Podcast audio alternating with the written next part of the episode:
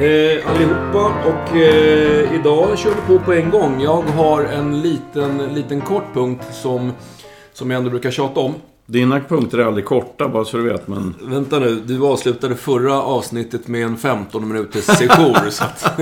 Kör på! Jag kör på. Eh, så här är det. Eh, jag tycker att man ska ha koll på sin hund när den är frisk. Det låter självklart. Men vad jag menar är Eh, alla har faktiskt inte den kunskapen om, om eh, hur, hur funkar fysiologin hos en hund då. Eh, många kommer in och säger att min hund har feber, sen har den 39 grader. Det är inte feber på en hund. De flesta hundar ligger mellan 38 och 39 grader. Sen finns det individskillnader. De kan ligga lite under, lite över. En, en valp ligger kanske lite över 39 grader till och med. Ehm, man har en andningsfrekvens någonstans mellan 20 och 30 andetag i minuten. Ehm, pulsen varierar precis som hos människor. 60, 70, 80. Men, en vältränad hund har en lägre puls.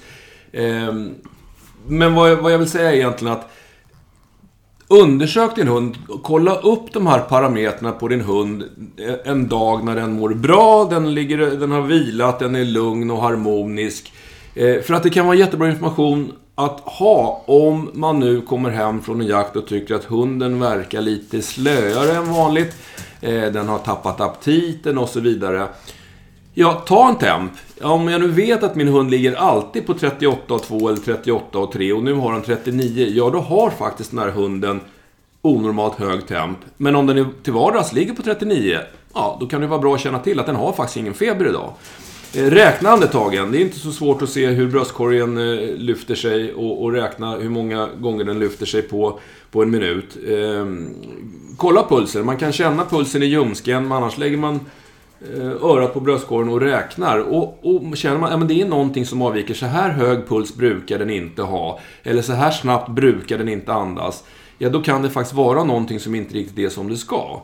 Eh, vi, vi, vi, och titta det här, lyfta på läppen och titta på tandköttet, det är samma sak där. Hur brukar min hund se ut? Den, jo, den har ett rosa, en rosa frisk färg i tandköttet. Men just idag efter jakten så är den blek eller den är knallröd åt det blå hållet. Det är också sådana här små, små varningstecken som, som man ska observera. Men det förutsätter att du har koll på hur det brukar se ut i vanliga fall.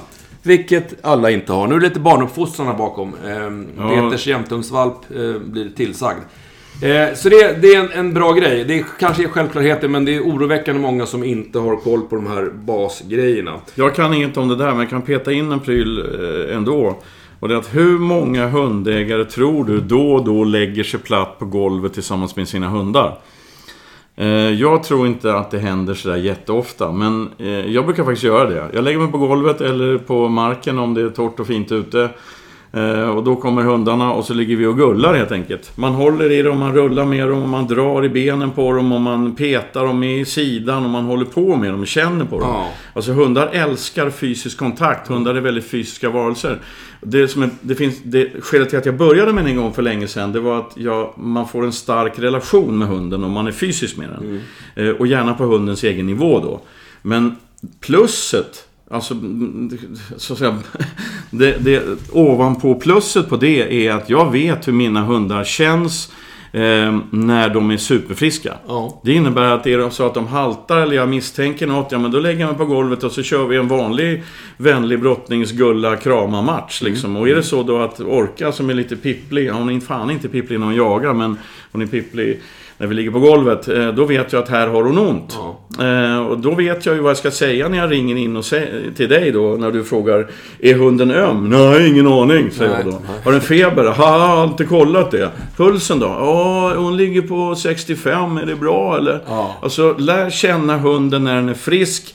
För att förstå när den är sjuk eller behöver vård. Exakt, och det här brukar vi prata om i våra föreläsningar. Jag brukar säga det att att eh, om man ringer in och säger att du, min hund är lite dålig. Den har 39,2 i temp. Den brukar ligga på 38,4.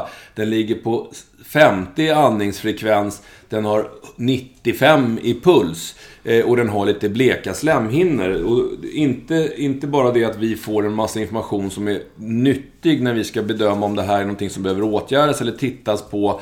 Vi är dessutom väldigt imponerade av de djurägarna som har den här kollen. Så att, så att, eh, och det är inte svårt. Så, så Och precis som du säger, det här med att bara umgås med sin hund och, och märker att nej, men hon brukar älska att ligga och kramas, nu drar hon sig undan. Ja, då är det någonting som inte stämmer. Va? Mm. Ehm, så det är om detta. Ehm, nu tror jag vi tar en fråga och då eh, är den frågan inskickad på jakthundar och jakt.gmail.com.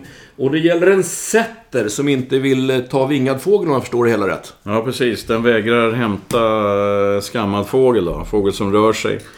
Ehm, och det är inte bra alltså. För att en apportör, som, en fungerande apportör, den ska man kunna släppa på en fågel som snabbt måste inhämtas och av, avlivas. Ehm, och eh, hur gör man då? Ja, alltså det nu, nu måste jag prata generellt här därför att det, det, bästa är ju att träffa hunden så att man vet, eh, så man ser vad, vad problemet egentligen handlar om. Men generellt är det så att man, man tränar stegvis. Ni får ursäkta det där då, men det, det är jämthundsvalpen som försöker charma en tioårig vakteltik. Det går sådär.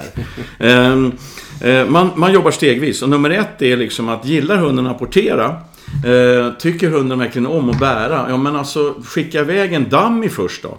Eh, som man har i ett snöre. Eh, och när hunden ska ta den här dammin, då rycker man till i snöret så dammin hoppar. Är det dessutom ojämnt underlag så är det ännu bättre för då hoppar dammin upp lite grann. Så håller man på sådär och gör det svårare och svårare. Sen tar man en, en, en upptinad, alltså en kallfågel alltså, en träningsfågel och så gör man samma sak. Du kan fästa fågeln i en, i en, eh, i en, i en bit snöre och ha en hasselstör eller ett metspel eller någonting. Hunden jagar den där fågeln men, och du vet man rycker och rycker och rycker och sliter.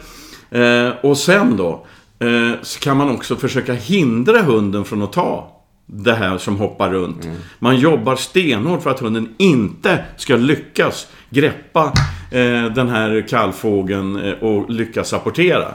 Man triggar hunden så fruktansvärt så att den nästan blir tokig av jag vill bära-vilja. Då kan du ge dig fan på att finns, är den rätt avlad den hunden som har rapport i blodet i huvudet. Då kommer den, då kommer den smälla till alltså. Eh, jag kan inte se någon annan väg att gå, ärligt talat. Eh, och sen, sen vet jag inte heller hur van den här sätten är ehm, eh, vid praktisk fågeljakt. Då. Jag vet, det, det framgår inte i frågan. men, men det handlar om rutin. Det handlar om rutin. Förr eller senare så kommer kommer viljan att bära, att hämta, att få sätten att komma över den här tröskeln alltså. Mm. Det tror jag. Ehm, det brukar alltid vara så. Men man måste, precis som med all hundträning, göra två saker.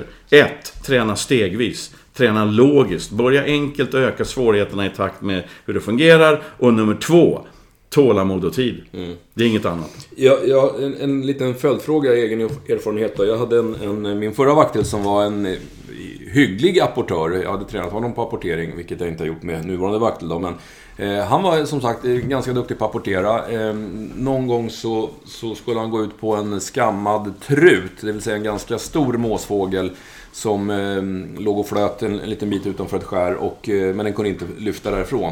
Eh, så, så, han stack ut och skulle hämta den där, var på truten vrider på huvudet och tar ett stadigt grepp i nosen. Eh, och släpper inte, så att min stackars hund försökte simma in och truten hängde kvar i nosen och sen så småningom så, så släppte den när den tappade greppet. Hunden kom upp och ställde sig bredvid mig, jag sköt eh, truten där den låg i vattnet. Sen vägrade han gå tillbaka och hämta den där, vilket jag kan förstå.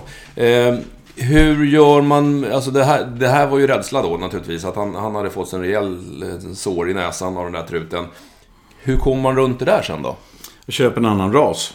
ja. Nej, men, nej, men alltså, det är precis samma träning. Det är exakt samma träning som den gick igenom nu. Ja, du, kör, eh, du börjar om liksom med små steg. Ja, alltså i små steg. Och, och sen kan man också, man kan ju um, ha hunden, precis som när du ska få en hund att våga, våga skalla på vildsvin i träningshäng till exempel. Att du lägger tryck på hunden. Mm. Det vill säga du har hunden i lina eller koppel. Mm. Och vill hunden framåt, ja då, då lägger du tryck på den genom att försiktigt dra den bakåt. Mm. Alltså hetsa hunden till att komma över tröskeln. Alltså hunden blir så fruktansvärt sugen på att lösa problemet så att den faktiskt rapporterar. Ja. Um, den vaktel som du pratar om, eh, jag vet ju vad det var för vaktel. Det fanns ju ett bra tryck i den hunden. Mm. Så hade du, hade du mm, så att säga vägrat honom att apportera ja. under ett antal fågeljakter. Han får gå, hoppa upp ur redet men du stretar honom bakåt i kopplet eller i linan. Och så får han fan, han kommer bli, det kommer finnas en sån fruktansvärd energi framåt i hunden så att han kommer att rapportera också skadad trut. Det är inte alla som gör det, men, men, men det, det, är liksom genvägstricket om man inte orkar den här stegvisa träningen.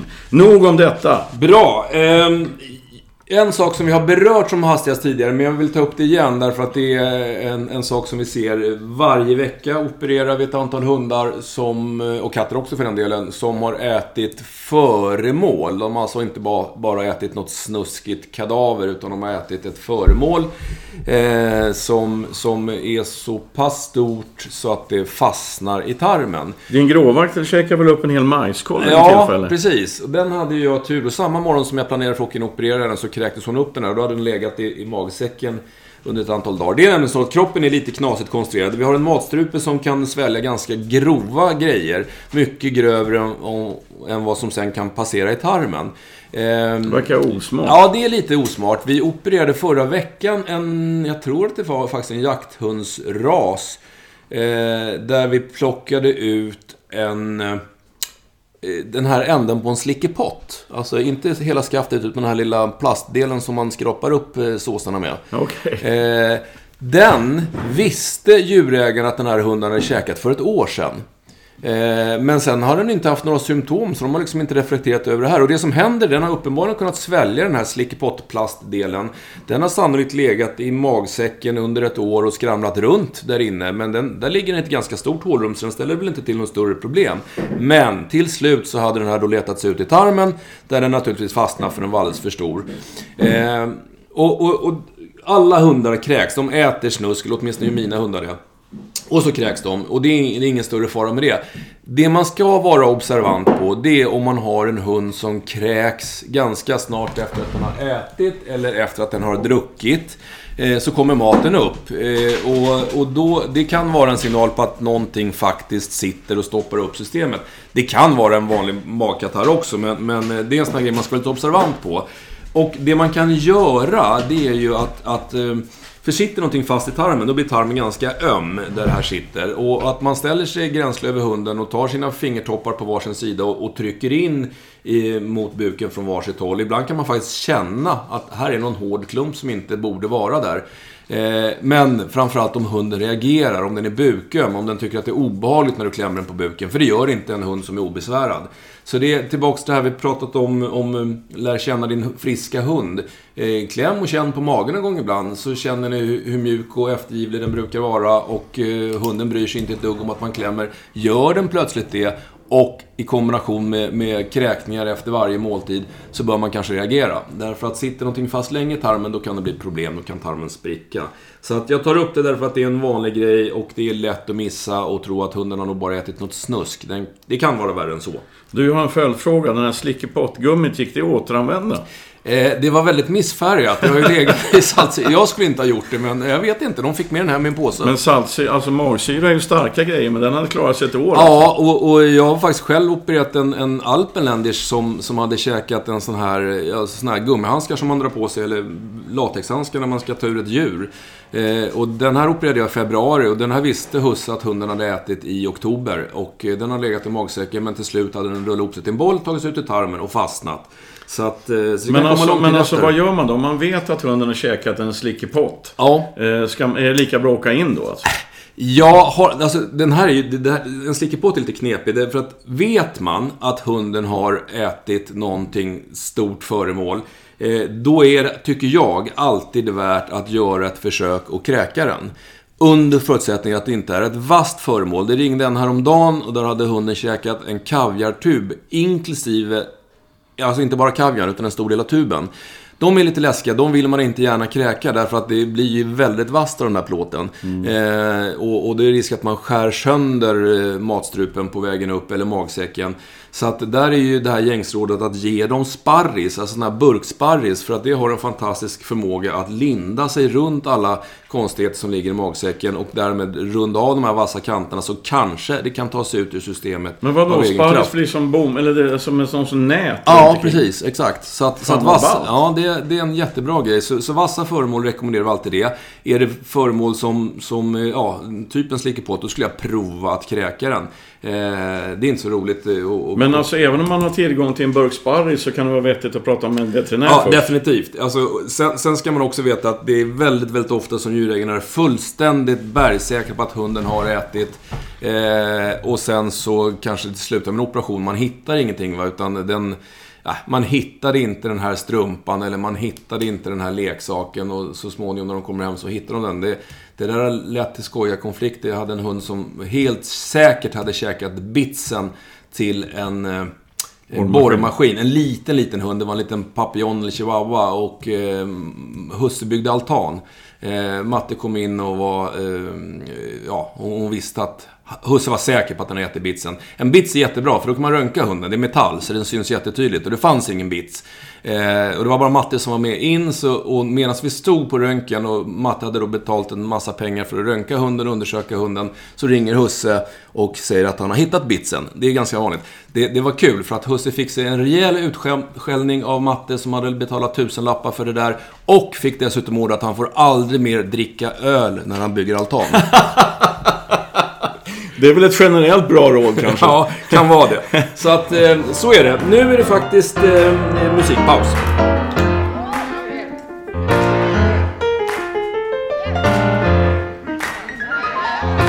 Ja, eh, okej, då kör vi igen. Alltså, jag har fått en fråga som lyder så här. Min Basset byter drevdjur. Den drar iväg, mm, driver som den ska, släpper, söker nytt, um, tar upp på igen och så håller den på sådär då, som jag förstår, eh, hela dagen. Om inte, om inte hundföraren eh, lyckas få tag i hunden innan. Ja, det här, svaret på den här frågan är som jag ser det på samma svar som jag gav i någon tidigare, i någon tidigare avsnitt här med, då var det en vaktelhund som, som gjorde samma sak egentligen. Den drev för långt och den, bytte, den tog upp nytt. Alltså, det handlar ju om, dels handlar det om att kunna styra hunden och sen handlar det om hundens eget belöningssystem. Vad vill den här basseten göra? Svar, jaga.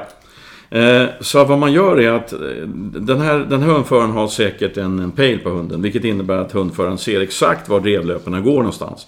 Får basseten upp, då börjar man gå i drevlöpan. Man hänger på, man ser ju som ett streck på pejlen, så man går i drevlöpan.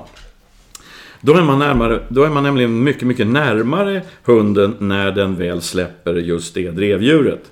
Eh, då gör man vad man kan för att få in hunden till sig. Eh, Man kör sin inkallningssignal, man vrålar och skriker, man jobbar stenhårt som en galning, till och med springer i drevlöpan för att få tag på hunden. Och när man väl har fått tag på hunden, in till benet alltså, hur, Björn, hur belönar man den då? Enkelt, man eh, skickar ut den igen. Precis. Vad vill hunden göra? Den vill jaga. Vad är bästa belöning för hunden i just det läget? Låta den jaga. Eh, jag inser också att eh, det här är eh, ett klassiskt människoproblem som är inblandat i det här hundproblemet. Och det är att det är passkyttar runt om i såtarna som vill att vi ska bytas åt och de vill styra hundförarens jobb och allt det där. Det får man fullkomligt skita i om man ska få ordning på den här basseten. Man får in hunden till varje pris och så fort man har fysisk kontakt då gör man så här. Man säger du är duktig du. Det tar en halv sekund. Sen säger man du är duktig du en gång till. Sen knuffar man ut hunden på sök igen. Hunden, basseten sticker iväg, får upp nytt och det är nytt drev. Återigen hänger man på i drevlöpan. Man är närmare basseten när den väl släpper. Man gör vad man kan för att få in basseten till benet. Man säger du är duktig du, du är duktig du. Sen knuffar man ut basseten på sök igen. Man vinner två saker. Dels så lär sig basseten att den stora vinsten om jag vill jaga igen det är att ta drevlöp, alltså mitt eget bakslag tillbaks till hundföraren. Nummer två, man kommer få en bättre inkallning på hunden. Mm. Det är mitt råd. Snabbt och enkelt svar. Förlåt att jag pratar snabbt här, men jag, den här frågan har jag redan svarat på en gång i bilen på väg hit. Ja, men det är väl bra. Då är det i alla fall en aktuell fråga. Eh, jag tror att vi hade fått en fråga till som vi nog båda kan diskutera lite. Den rörde ryggproblem. Ja, precis. En kille som ringde mig med en, om en tax, 9-10 månaders tax. eh, Och det han pratade om och ville, ville ha råd om var injagningen. Men sen sa han någonting som, som plötsligt gjorde samtalet eh, ännu mer intressant. Nämligen, jag har gjort precis som man ska. Jag har sett till att taxen inte har gått i trappor, sa han. Med stolthet i rösten. Ja. Och då sa jag så här. Nå, alltså är det ryggproblem du tänker på? Precis, sa killen. Då sa jag, då, tro, då tror jag att du har gjort fel han skulle ha gått i trappor. Har jag rätt eller? Ja, eh, så här är det. Det, där är tyvärr en missuppfattning, framförallt bland taxfolk. Men, men eh, taxar är ju en ras eh, tillsammans med drever som har en del ryggproblem. De har korta ben men framförallt har de långa ryggar. Och, och, och det kan föranleda att det blir en del problem. Men det, alltså det här med att de inte ska gå i trappor, det är en, en väl, Jag vet inte var det kommer ifrån ursprungligen. Eh, gå i trappor är förvisso en rörelse som, som belastar ryggen, så är det. Men ryggen, eh, alltså ryggproblem består i normalfallet av någon typ av nervpåverkan, någon typ av tryck som läggs mot ryggmärgen eller någon av de nerver som går ut ifrån ryggmärgen som kallas för spinalnerver. Eh, runt eh, de här kotorna, eh, kotkropparna eh, går längs hela ryggen, i kotkropparna går ryggmärgen. Runt de här så har vi muskler, senor, ligament som ska stabilisera och bära upp alltihopa. Eh, om man aldrig tränar de här musklerna, om man aldrig tränar de här ligamenten och senorna, ja, då blir de svaga. Allting som ska bli starkt kräver träning. Det vill säga att, att går man aldrig trappor och tränar ryggmuskulaturen, nu är det ju inte bara trappor som tränar ryggmuskulatur, men, men eh, så riskerar du att få eh, alltså, lite, lite klena mjukdelsvävnader för att stabilisera. Så att det är klart att en tax ska gå i trappor. Ehm, och det är som en, en väldigt duktig ortoped som jobbar på ett stort djursjukhus i Sverige. Han sa att alltså, det, finns ju, det finns ju ingen varghona som förbjuder sina valpar att hoppa upp och ner på stenar. Det som är viktigt när man ska, eh, om man nu pratar ryggar eller rörelser i allmänhet, för det finns ju många som är väldigt försiktiga med, med eh, sina valpar, de får knappt göra någonting och de går på korta promenader och så vidare. Eh, man ska absolut aldrig överdriva aktiviteten hos en växande individ. Därför att upp till, beroende på ras, men upp till året så, så växer skelett, muskler, kroppen. Allting ska eh, bli färdigvuxet och stabilt. Och, under den perioden så ska man inte överbelasta. Det vill säga att taxen ska inte springa upp och ner i trappan som att det är dagens stora nöje, hundra gånger upp och ner hela tiden. Eh, likväl så ska den heller inte med... Du menar inte så här, bra jobbat en gång till? Exakt. Eh, och likväl så ska den inte följa med husse och matte på tvåmilsrundan i den mån någon nu vill springa två mil. Eh, utan man, man får anpassa det efter, efter eh, förutsättningarna. Men, men alltså, det, det är ganska självreglerande. Jag brukar säga så här. Den, den enda aktivitet som man kanske som, som hundförare kan behöva gå in och bryta, det är om man har unga valpar som leker med varandra. Därför att de har så himla kul, så där kan det ibland... Alltså de passerar den här gränsen när jag är egentligen jäkligt trött eh, i både muskler och huvud, men det är så roligt så jag fortsätter. Där kanske man kan gå in och säga att Nej, men nu får det vara bra. Ni har busat runt där i, i 45 minuter, det räcker så. Ehm, men generellt, alltså min erfarenhet är att just det där, det håller jag med dig om. Men annars är det väl generellt så, det är bara att titta på min egen sex månaders valp här alltså. Eh, Hon håller på som en idiot och så plötsligt så slår de bara ihop och vilar. Ja, men det är, sagt själv, säger det, finns det, i det är huvudet på dem. självreglerande. Så att, alltså, de, när de blir trötta så sover de och när de är... Och, och, och det är ju så, det, det är ju otroligt svårt att trötta ut en hund fysiskt. Alltså, det... Att springträna med en hund, det är nog mer nytta för husse eller matte än för hunden. Därför att du kan aldrig träna den så pass mycket så att, så att eh, den blir trött. Jag, jag tror inte det. Då får man springa bra långt. Eh, så, så det allmänna rådet när det gäller den här typen av frågeställningar är att hunden ska röra sig på olika sätt, olika mycket. Eh, och därför att den behöver träna. Den behöver träna upp sin kropp, den behöver träna upp sina muskler. Men inte överdriva. Okej. Du ska ju aldrig tvinga en hund att göra någonting. Är den trött, då, då respekterar man det. Då ska man inte tvinga ut den på en 7 km runda. Yes. Du, eh, jag ska bara... Eh, om vi lämnar det, en helt annan grej. Kom på, det ringde en kille på vägen hit här. Han, han sa att han, han höll på att träna sin eh, grå, unga gråhund med den här eh, digitala tekniken. Han har köpt en ny typ av pejlutrustning. Så man trycker på en knapp på handenheten så piper det eller vibrerar halsbandet. Ja, just det. Och han har börjat träna inkallning på det och, och han frågade... Han var överlycklig. Han ville bara säga det att det här, dina kurser och där är inte mycket, jag inte mycket för. Jag har köpt ett halsband som sköter det där. Men vad bra. Eh, och, och då tänker jag så här, det där är hur bra som helst. Gör man rätt så är det klart att, att det är en, en hjälp när det handlar om att kunna styra sin hund i skogen. Men jag vet också de, det där, den där tekniken har ju funnits ett tag nu. Jag vet också de som började med det där och det funkar hur bra som helst. Eh, tre jakter senare så skiter hunden fullkomligt i att det piper eller vibrerar i halsbandet. Så all typ av hundträning Tänk er för, tänk logiskt alltså. Eh, det klassiska är ju det här med inkallningssignalen av unga hundar. Jag använder den inkallningssignal jag kommer försöka ha på den här jämtensvalpen som jag har ingen styrning på alls just nu. Den tränar jag in enbart när hunden redan är på väg till mig. Mm. Inte när hunden tittar på något annat, är på väg åt ett annat håll eller så, utan bara när hon verkligen har fullt fokus på mig och är på väg in till mig, då kommer signalen. Så om man använder den taktiken när man ska träna med halsband, eh, det, är- det är Lita som håller på, hon är trött här nu, nu hoppar hon på mig också. Nej men det där är väl, och det där, jag menar du har ditt sätt att, att eh, som jag gillar, att, att det där med hundträning. Men det där är väl också en sån här ganska klassisk grej oavsett vilken typ av träning man tillämpar. Att ska man träna kommandon, till exempel inkallning, så ska du bara göra det när du har hundens uppmärksamhet. Alltså, om den tittar på en fågel på väg bortåt, strunta i kom hit. Därför att den kommer inte lyda och då befäster du ett beteende som, ja, inte... Ja men alltså, men det är bara att tänka logiskt. Hundar är blixtsnabba i huvudet. Det finns ingen gråzon i skallen på hundar. Det finns bara ja och nej. Så att om den här valpen som du håller på att gulla med nu. Om den valpen sitter i, på, kök, i kö, på köksgolvet och tittar på köksgardinerna. Om, och s- med, med fokus på köksgardinerna. Därför att det är, en, det är en fluga bakom köksgardinerna. Om du då säger kom hit. Vad betyder kom hit för hunden då? Jo, det betyder att jag sitter med fullt fokus och stirrar på köksgardinerna. För att det är en fluga bakom där. Och då betyder ju inte kom hit, jag är på väg till dig. Det betyder någonting helt annat. exakt. Det är alltså mer logiskt än så behöver man inte förklara. Bra, jag är helt torr i mun. Vi skiter i det här nu. Vi fortsätter nästa avsnitt. Yes. Om någon frågar oss